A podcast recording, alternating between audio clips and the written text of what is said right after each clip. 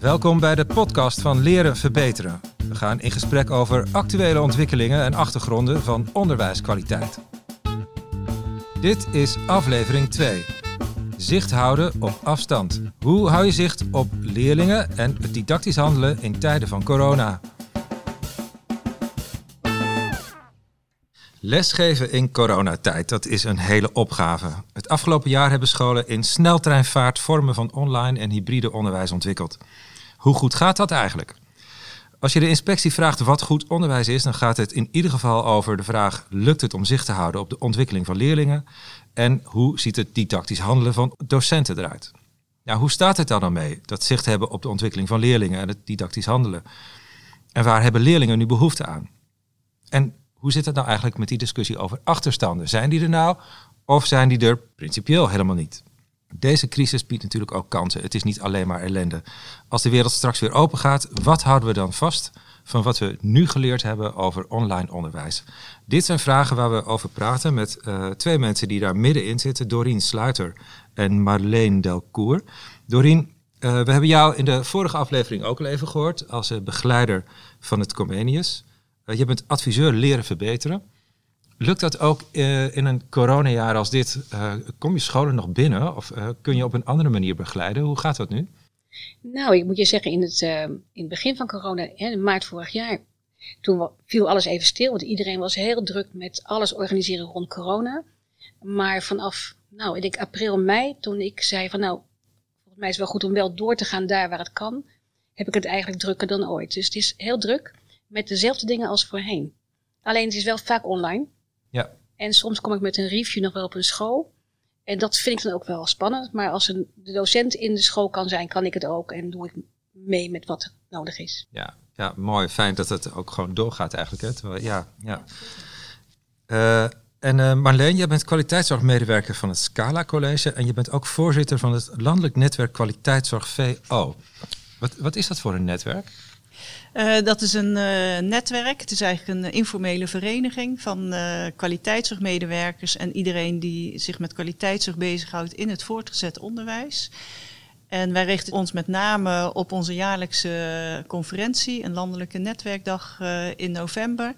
En dan organiseren wij sessies en workshops die te maken hebben met alle facetten van kwaliteitszorg. En we merken dat er steeds meer belangstelling is uh, voor, van scholen voor überhaupt kwaliteitszorg. En dat er ook op steeds meer scholen kwaliteitszorgmedewerkers zijn en mensen die zich met kwaliteitszorg bezighouden.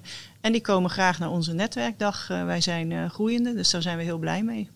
En aanstaande november, durven jullie daar al voorzichtig over na te denken, een bijeenkomst? Of, nou, afgelopen keer hebben wij het online gedaan. Dat was ontzettend spannend, maar is goed gelukt, vind ik zelf.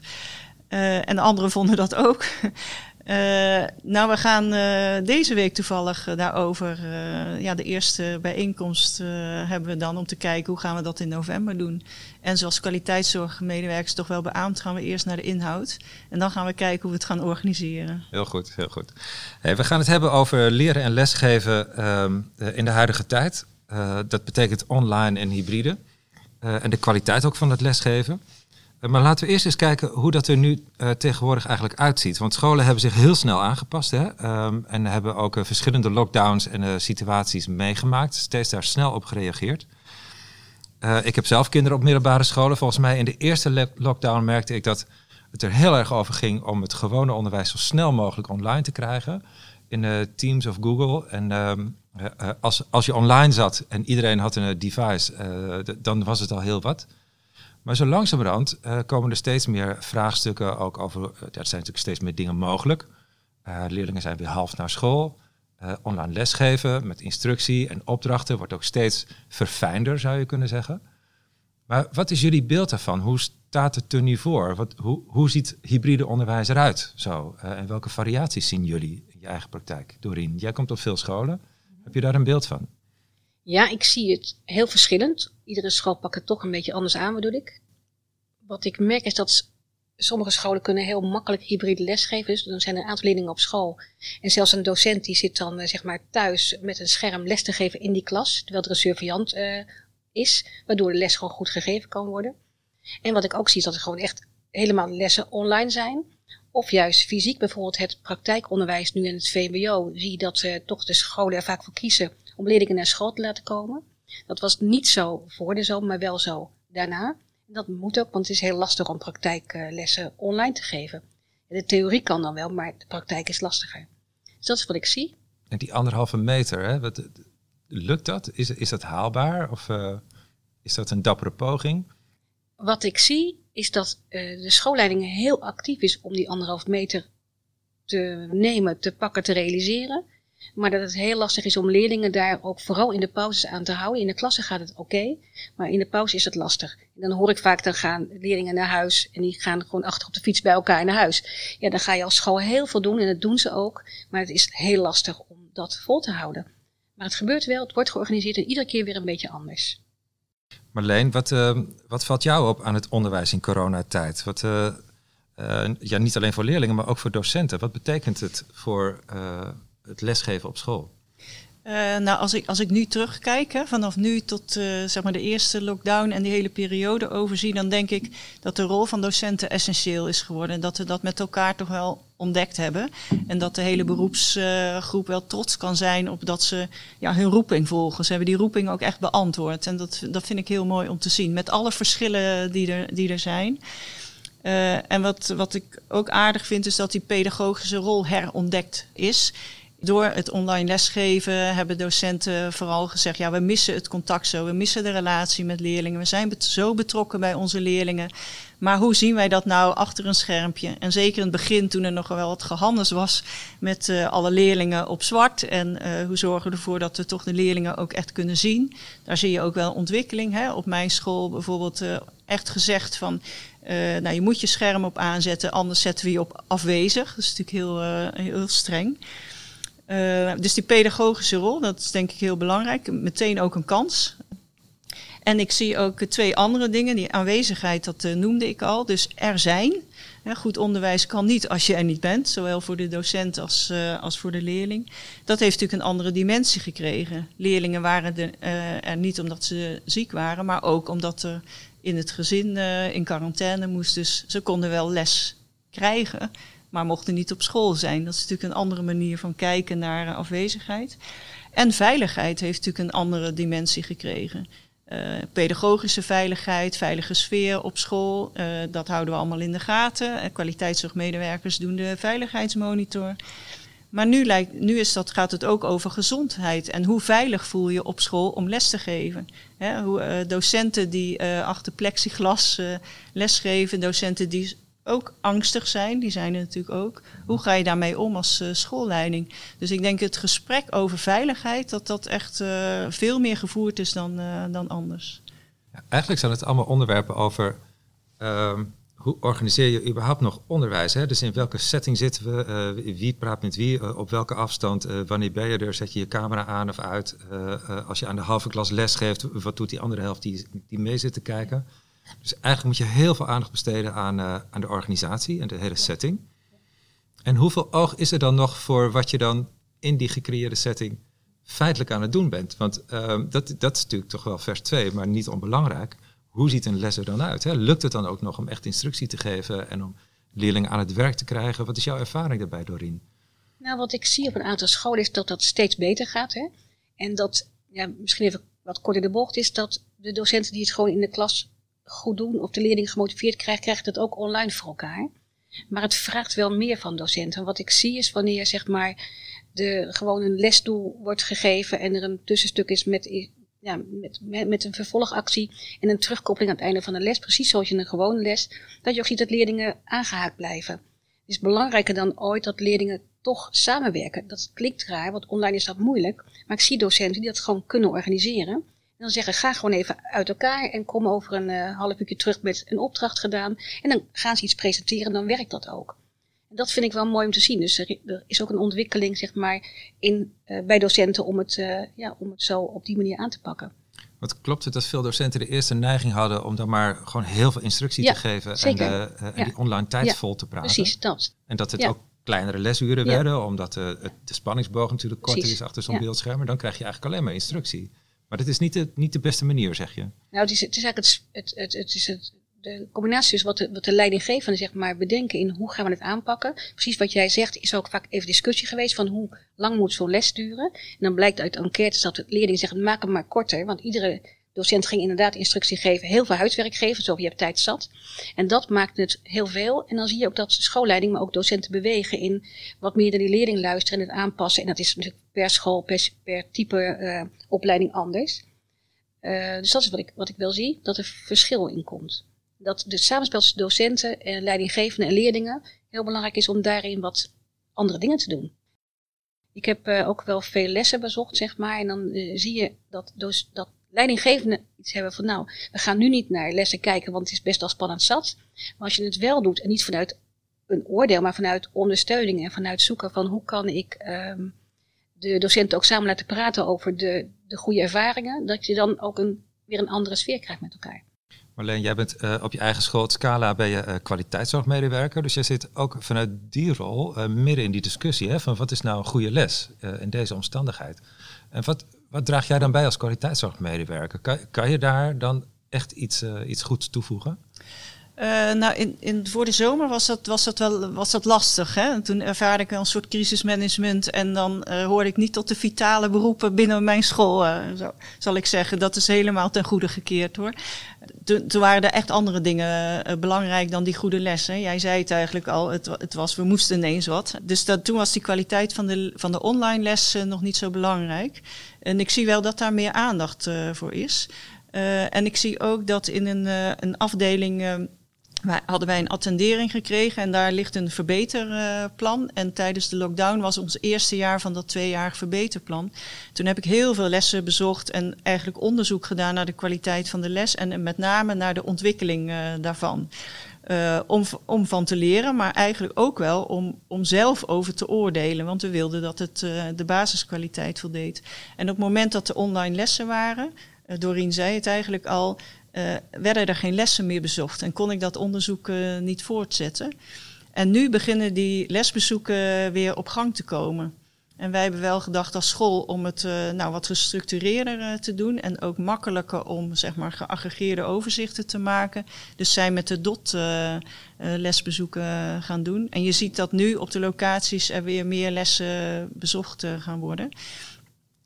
Dat is op onze school. En wat ik van andere scholen wel heb gehoord, is dat kwaliteitszorgmedewerkers een rol in hebben gehad van.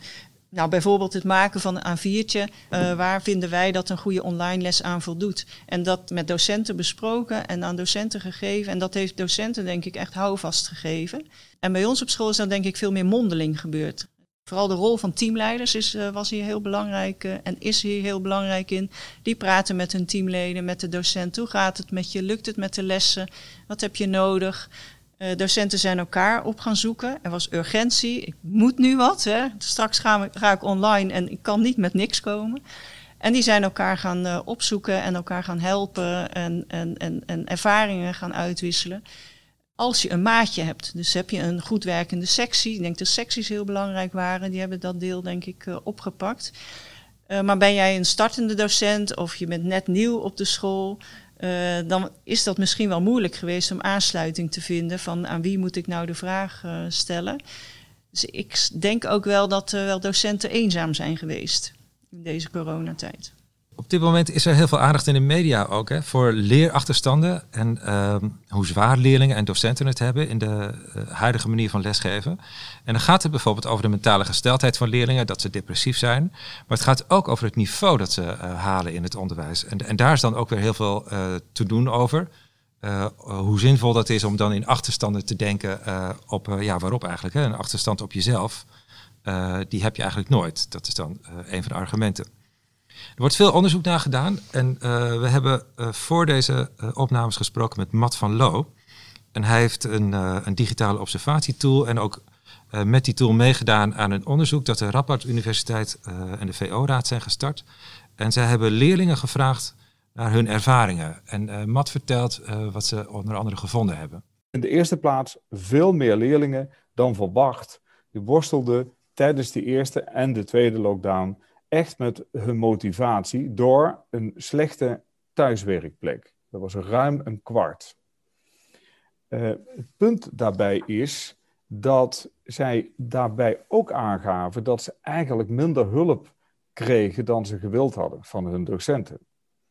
En met name bovenbouw HAVO-VWO-leerlingen, die gaven aan dat ze zich eigenlijk wel overschat voelden door hun school als het ging over relatief zelfstandig kunnen werken.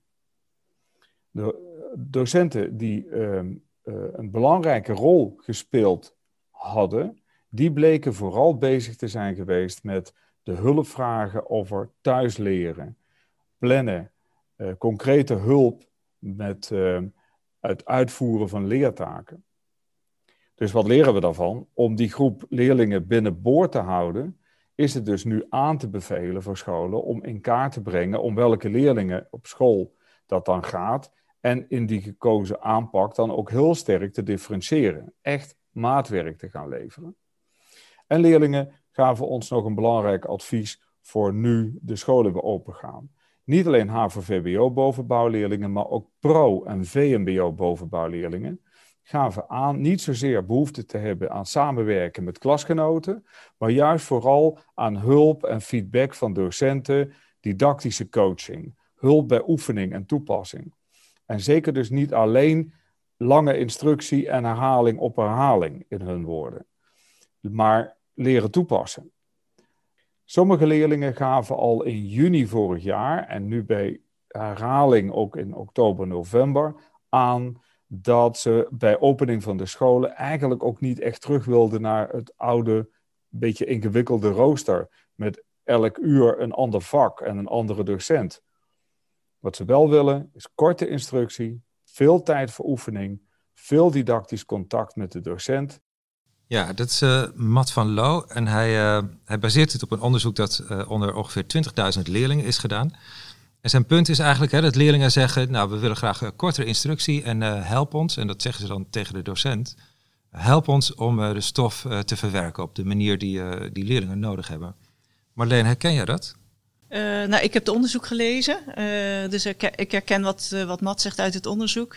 en ik herken dat ook bij ons op school. Is dat de HAVO-VWO-leerlingen, maar ook de onderbouwleerlingen, graag, die willen het graag snappen. Ze willen graag een geloof hebben in hun eigen kunnen. Dus ik denk dat die self-efficacy, dat dat heel belangrijk is. En dat daar eigenlijk toch de didactische, hè, de, de, de, didactische rol van een docent heel belangrijk in is. En dat instructie niet zo lang moet, dat, is een al, dat horen we al langer van leerlingen. Dat vinden ze heel saai om heel lang naar een docent te luisteren. Uh, dus het doet me ook wel goed dat nu naar buiten komt dat leerlingen willen oefenen, dat ze het willen verwerken, dat ze ermee aan de slag willen om, om de lesstof ja, onder de knie te krijgen. Dus ik herken het wel. En dat zijn ook op één locatie van het Scala College viel me op dat er zoveel HAVO-leerlingen aan hebben gegeven. Ik zou graag naar de opvangklas willen, want het lukt mij om thuis niet te concentreren en aandacht voor mijn schoolwerk te hebben. En dat zijn dus kinderen, niet per se kinderen van ouders van vitale beroepen of kinderen met minder hulpbronnen of sociaal kapitaal, hè, zoals we zouden zeggen. Maar kinderen ja, die, die uh, uh, graag aandacht voor hun schoolwerk willen en dat thuis niet uh, op kunnen brengen. Dus ik herken het, ja. En Doreen? Nou, ik sluit me daar, daar helemaal bij aan bij wat jij nu zegt, herken ik ook. En wat ik ook herken is even los van het hele onderwijs, dat leerlingen vooral ja, samenwerken. Daarvan zijn Mat in het onderzoek dat ze daar minder behoefte aan hebben met leerlingen.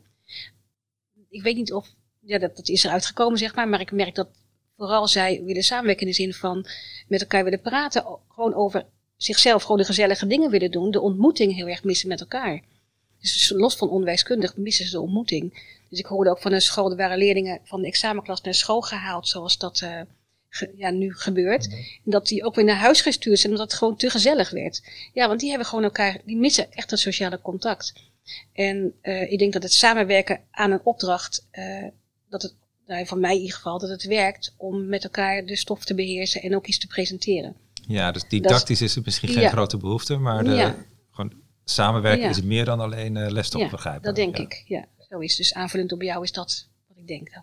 Uit onderzoek blijkt ook dat leerlingen veel van elkaar leren. Uh, uh, in tegenstelling tot van de docent. En dat is wel, uh, is wel eens hard om te, om, om te lezen, zeg maar. Maar de uitleg van de medeleerling of het samen oefeningen doen, is, is heel belangrijk voor leerlingen. En er zijn ook leerlingen die spontaan met elkaar afspreken. zullen we vanmiddag samen die wiskunde, doen ze het online, maar samen die wiskundesommen gaan maken. En dan duurt het misschien wat langer, maar ze doen het wel samen. Dus ik denk dat leerlingen ook wel manieren hebben gevonden om, om elkaar te helpen. En wat ik ook herken is dat stukje van dat ze de behoefte hebben aan de, ja, de, het sparren met de docent en, en inhoudelijke vragen stellen. En ik heb ja, in, ervaring gemerkt dat scholen ook vaak daar juist wel, aandacht aan gegeven hebben door zich maar ruimte te maken online. Dat een mentor te bereiken of een docent nog even wat nableef. Hè, dus een, soort van moment van, uh, van nou, een vragenuurtje. Waardoor leerlingen dat ook wel juist missen als ze weer naar school gaan. Want die docent is, is er altijd. Dus ik hoor van docenten ook vaak van ja, ik ben er altijd, ik sta altijd aan. Dat heeft onder andere daarmee te maken dat ze juist die leerlingen individueel of in een groepje extra uitleg hebben gegeven. Ja, en dat is de grote puzzel, hè? hoe je nou zicht houdt op de ontwikkeling van leerlingen en in contact blijft. Precies. Uh, en ook de goede dingen doet. Want niet, uh, niet elke leerling loopt enorm achter, hè? dat verschilt enorm. Um, en dat is ook uh, wat Matt in het onderzoek gevonden heeft. Daar vertelt hij nog iets over. Zie ik een groot risico eigenlijk naar voren komen door het volgende. Corona blijkt ook een vergrootglas hè, en, een, en een versneller in positieve en een negatieve zin. Dus bestaande verschillen kwamen veel duidelijker naar voren en de verschillen werden ook groter door corona. Maar dan heb ik het over verschillen tussen scholen qua kwaliteit van online lessen en ook hun reactiesnelheid eh, tijdens de lockdowns, maar ook de verschillen tussen leerlingen qua zelfstandigheid en leermotivatie.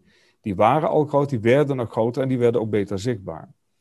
Dus er ontstaan nu wel heel goede ideeën over hoe je dat onderwijs structureel zou kunnen verbeteren. Maar niet alle leerlingen geven aan dat ze achterop en minder gemotiveerd zijn geraakt. Dus dat weten wij door het onderzoek met de digitale observatietool. daar zit een module in voor online lessen. En daardoor kunnen we een hele goede benchmark maken van de kwaliteit van die online lessen.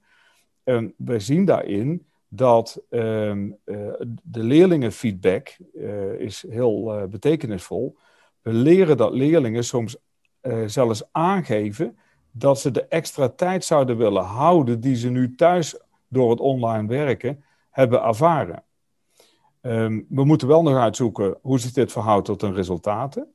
Maar de inspectie gaat hier dus over publiceren. Onze inschatting is dat 40% van de leerlingen in het VO echt achterop is geraakt en dat 20% van de leerlingen feitelijk voor ligt. Als je tenminste alleen kijkt naar de eindtermen van de onderbouw en de exameneenheden voor de bovenbouw. Dus het risico is dat er zeg maar, met hagel geschoten gaat worden op dit probleem en dat er te weinig maatwerk geleverd gaat worden, omdat er niet goed genoeg onderzocht is dan om welke leerlingen het eigenlijk gaat. Uh, en het gaat dan niet alleen om de leermotivatie en de zelfstandigheid uh, van leerlingen, maar ook de ruimte die leerlingen nu ervaren door andere didactische lesmodellen. En wat dan echt goed blijkt te helpen, dat komt ook uit ons onderzoek uh, van ehm, vorige zomer al naar voren. Leerlingen hebben er echt baat bij, online en op school, als er een lesmodel ontwikkeld wordt waarbij de instructie echt veel korter is en daar gewoon meer tijd is voor oefenen en toepassen en zelf uitzoeken. Ja, dat is het punt dat hij in die eerste quote ook al maakte. Hè? Dus dat je een lesmodel ontwikkelt waarbij je echt rekening houdt met wat een leerling nodig heeft uh, en ook uh, oefentijd geeft om daar, daaraan te werken. Herken je dat, Dorien? ja, zeker. En daar zou ik dan wel uh, even op willen aanvullen. Dat, dat klopt wat, hè, wat onderzocht wordt en wat ook volgens mij ook voor inspectie belangrijke indicatoren voor een goede les zijn.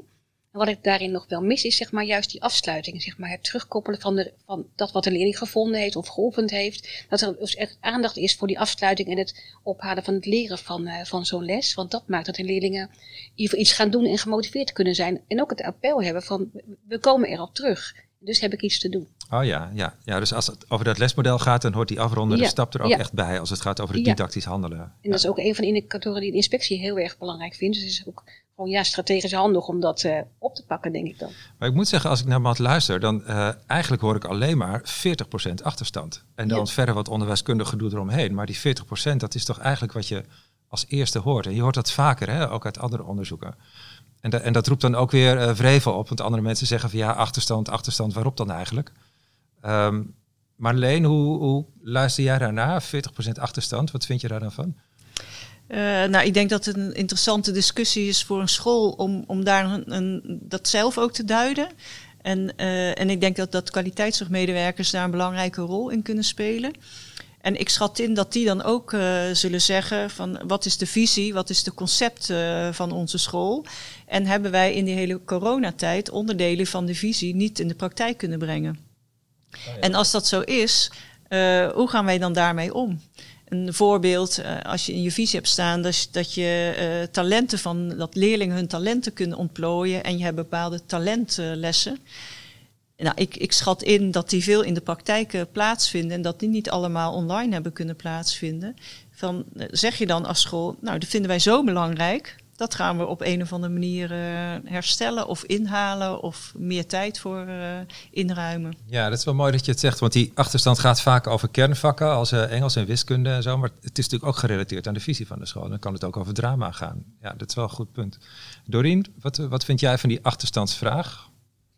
Um, ja, weet je, dat vind ik een ingewikkelde vraag. Want ik weet dat het er uh, overal over gaat. Hè. We hebben het voortdurend over achterstanden van leerlingen. En ik, natuurlijk is het zo dat een aantal leerlingen echt die achterstand hebben, ook in het praktijkonderwijs of in een situatie dat het zeg maar thuis wat minder makkelijk uh, is.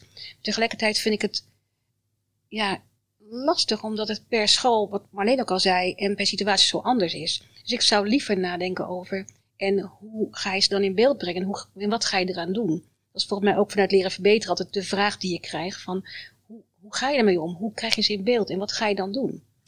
En, en waar het dan precies een achterstand op is, dat is dan, uh, nou ja, dat, dat is dan voor, uh, voor de fijnproever. Uh, jij wilt de vraag centraal stellen, wat gaan we doen? Hoe pak je dat dan aan als je merkt dat leerlingen op de meest verschillende dingen uitvallen of verschillende aspecten stof nog niet beheersen? Hoe maak je daar dan een plannetje van? Nou, hij begint eigenlijk met de aanpak van OP2, hè, zicht op ontwikkelingen, waar we het ook steeds over hebben in deze podcast. En ook wat, wat de inspectie graag wil zien, hè, van, waar ik schoolleiding en, en, docenten bij ondersteun, is van hoe krijg je überhaupt beeld op die achterstand van leerlingen? Hoe krijg je de, de data in beeld? En wat doe je er dan mee als je de data in beeld hebt? Is het per leerling individueel anders en vraagt een stukje maatwerk. En dat vraagt best veel van docenten en secties en mentoren over wat je dan volgens gaat doen. Maar het betekent dat je echt weet van waar de tekortpunten zitten. Dat je ook weet of het aan jouw vak ligt of de manier waarop het gebracht is. En dat je daar een plannetje op maakt van hoe ga ik het beter doen. Maar ook over hoe, uh, waar is de achterstand van de leerling en hoe ga je dat oppakken? Hoe kan een leerling een, een klein plannetje van aanpak maken samen met een mentor om te kijken van hoe die precies die achterstand wil, uh, wil op gaan lossen. En dat moet dan weer geregistreerd worden, zeg maar, in Magister of in SOM of wat dan ook. Maar ik denk dat de bewustzijn van de data, weten waar je leerling staat, weten hoe ze ervoor staan en de vervolgaanpak. En dan ook weer de monitoring van de mentor en ook de schoolleiding in ja, daarboven weer staan. Of hè, daar, daar, daarbovenop dingen organiseren waardoor het kan, bedoel ik eigenlijk te zeggen. Uh, ik denk dat dat een belangrijke aanpak is. En dat vanuit leren verbeteren zie ik ook als dat in beeld is, dan zie je ook de resultaten verbeteren. Dat duurt best lang, maar het gebeurt wel. Marleen, is, is dat wat jij doet als kwaliteitszorgmedewerker? Het ja. aanleveren van die data en het, uh, en het volgen van leerlingen? Ja, ja dat, doe ik, dat doe ik zeker. En ik denk dat uh, meer van mijn collega's uh, dat doen. En dat begint eigenlijk al aan het begin van het schooljaar. is dat je in beeld brengt van wat is de beginsituatie van mijn mentorgroep. Daar kan je mentoren bij helpen. Van heb nu een, een, een, nieuwe groep voor je. Waar komen deze leerlingen vandaan? wat is hun achtergrond? Ehm, Soms zijn het hele samengestelde klassen. Hè? En als je een startgesprek met een leerling houdt, dan heb je andere vragen aan die, die verschillende groepjes leerlingen in je klas. Dus dat is één. En daarnaast maak ik per periode overzichten, uh, ook op afdelingsniveau en op leerjaarniveau. Kijk ik naar wat is het gemiddelde per vak en het uh, percentage onvoldoende. Maar zoom ik ook in op, op klasniveau. Dus welke klassen doen het bij bepaalde vakken goed en welke klassen doen het bij bepaalde vakken minder. Um, maar ook op leerlingniveau. Dus ik breng in beeld welke leerlingen hebben drie of meer tekorten. En dan vind ik dan nog niks van, want ik ben dan heel blauw, ik ken de leerlingen niet. Maar ik ga wel in gesprek met teamleiders. Zijn dit de leerlingen die jullie herkennen? Hebben jullie bij elke leerling een verhaal? Uh, en dan heb ik een gespreksleidraad uh, wat ik volg uh, met de teamleiders. En die team, de teamleiders kunnen die leidraad ook gebruiken als zij het in hun team bespreken. Maar de kernvraag is dan steeds, ehm, wat heeft deze leerling nu van mij, van ons, nodig?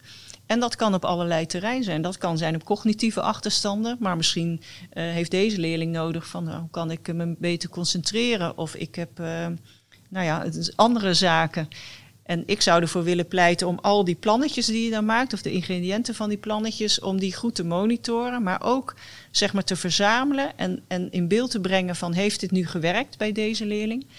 Zodat je als team en als school ook collectieve kennis opbouwt van wat helpt als je leerlingen op maat wil ondersteunen. Ik kan me voorstellen dat zo'n aanpak uh, niet alleen werkt bij de AVO-vakken, want dat denk je bijna willekeurig aan als je zo naar je luistert, maar ook voor praktijkvakken uh, op het VBO en het PRO.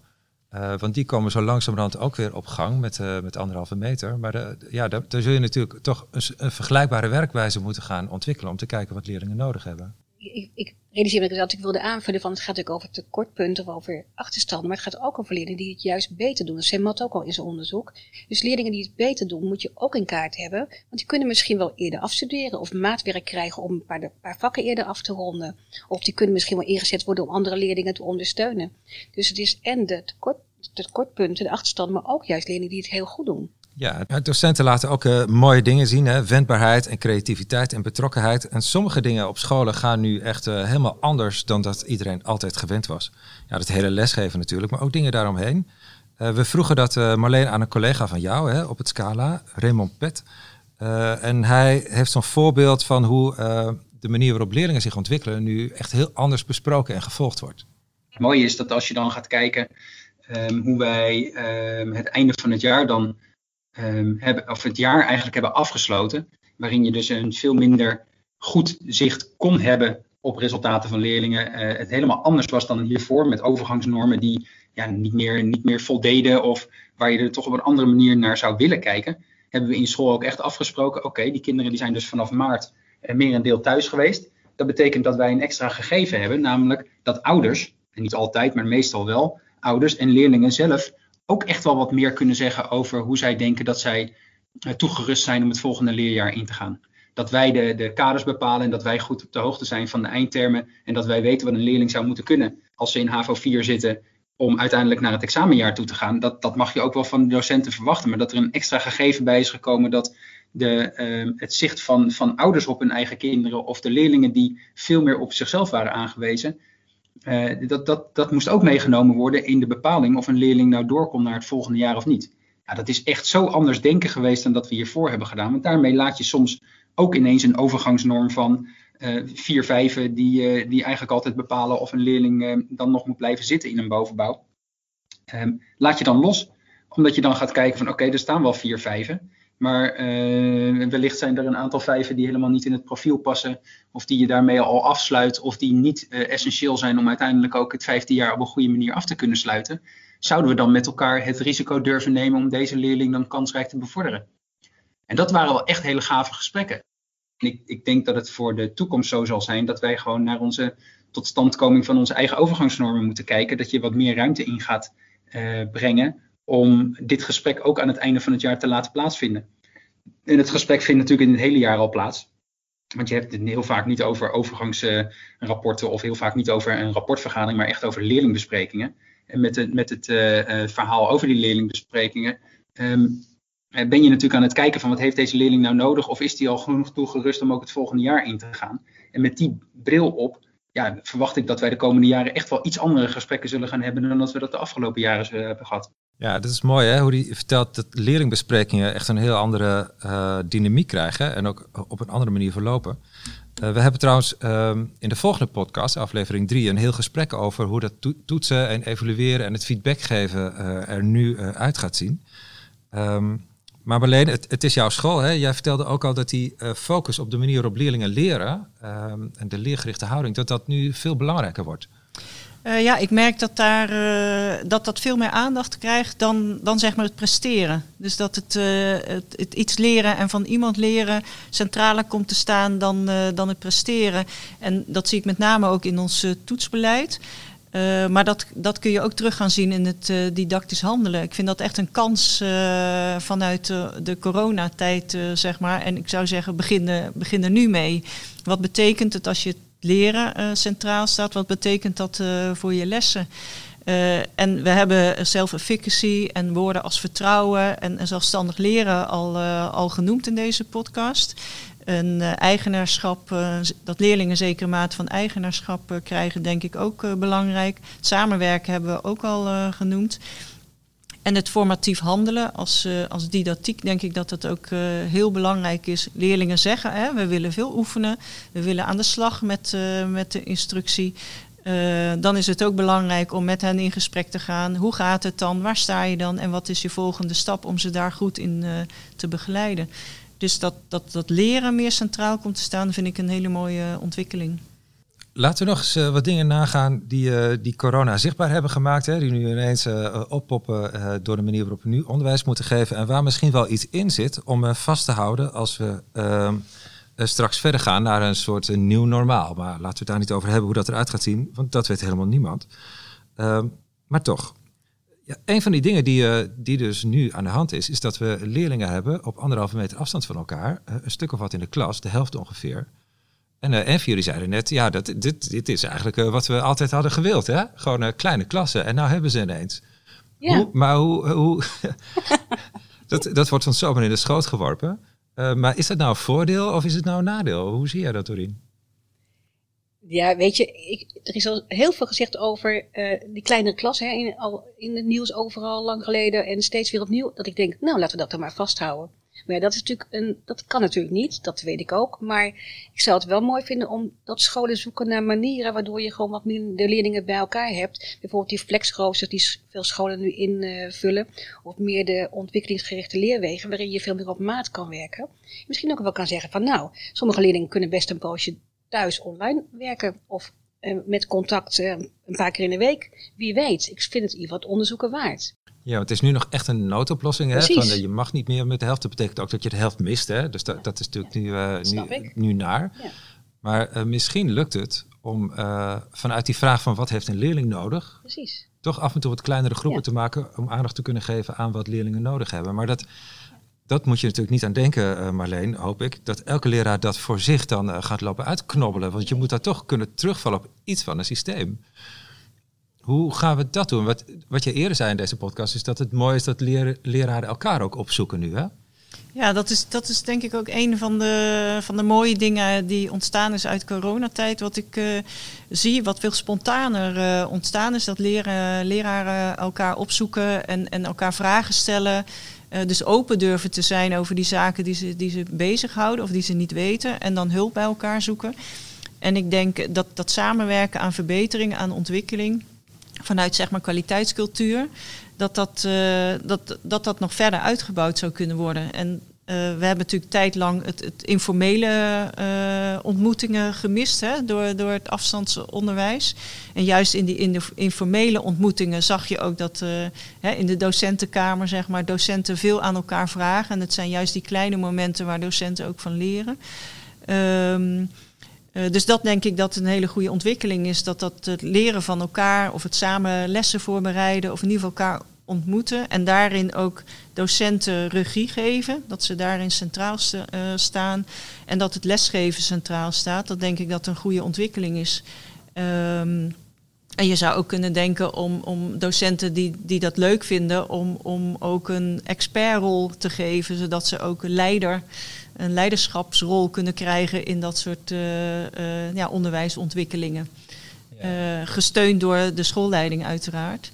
Maar dat samen leren heeft wel een vlucht gekregen, denk ik.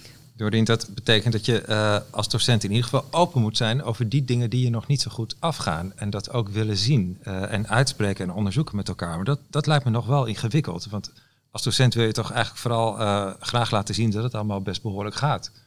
Ja en nee. Ik, ik, merk dat veel scholen juist ervoor kiezen, ook steeds ook hier vanuit de leren verbeteren scholen die ik dan begeleid, dat zeg maar de, de lesbezoeken door de schoolleiding eh, zowel online als fysiek, maar ook de lessen zeg maar, die bezocht worden door de collega's onderling, of de secties onderling, juist wel steeds meer wordt. Dus dat wat, wat ervaar ik. Dus het is wel lastig, ja dat klopt, maar het is ook heel mooi om van elkaar te leren. Waarom zou je zelf het probleem alleen oplossen? En dat maakt corona natuurlijk wel heel duidelijk. Je hebt elkaar nodig om samen de goede lessen voor de leerling te geven, want daar gaat het uiteindelijk over. En wat ik wel scholen gun is dat ze uh, ook in deze tijd af en toe gewoon stilstaan. Want ik merk dat hè, je zit in een soort van ad hoc. Iedere keer zie ik ook schoolleidings weer de week daarna moeten organiseren en de docenten daar achteraan het weer moeten doen, de lessen geven. Ik denk van, gun jezelf de tijd om stil te staan, te kijken van, is het onderwijs oké, kan het beter, uh, gaat het goed, uh, waar kunnen we dingen bijschaven? En, ook, en dat gaat dan over de lessen van nu, maar ook even na coronatijd of nu juist, kijk eens hoe het hele onderwijs is gegaan afgelopen jaar. Wat heb je daarvan geleerd en wat zou je vast willen houden? En dat is per school anders. En ik realiseer me dat het voor het praktijkonderwijs echt iets anders is dan voor het HAVO-VWO of het gymnasium. En ook voor het PO-onderwijs, daar hebben we het niet over, want daar gaat, dat is ook weer anders. Dat je per situatie gewoon bekijkt, wat leer ik hiervan, wat kan ik hiervan vasthouden.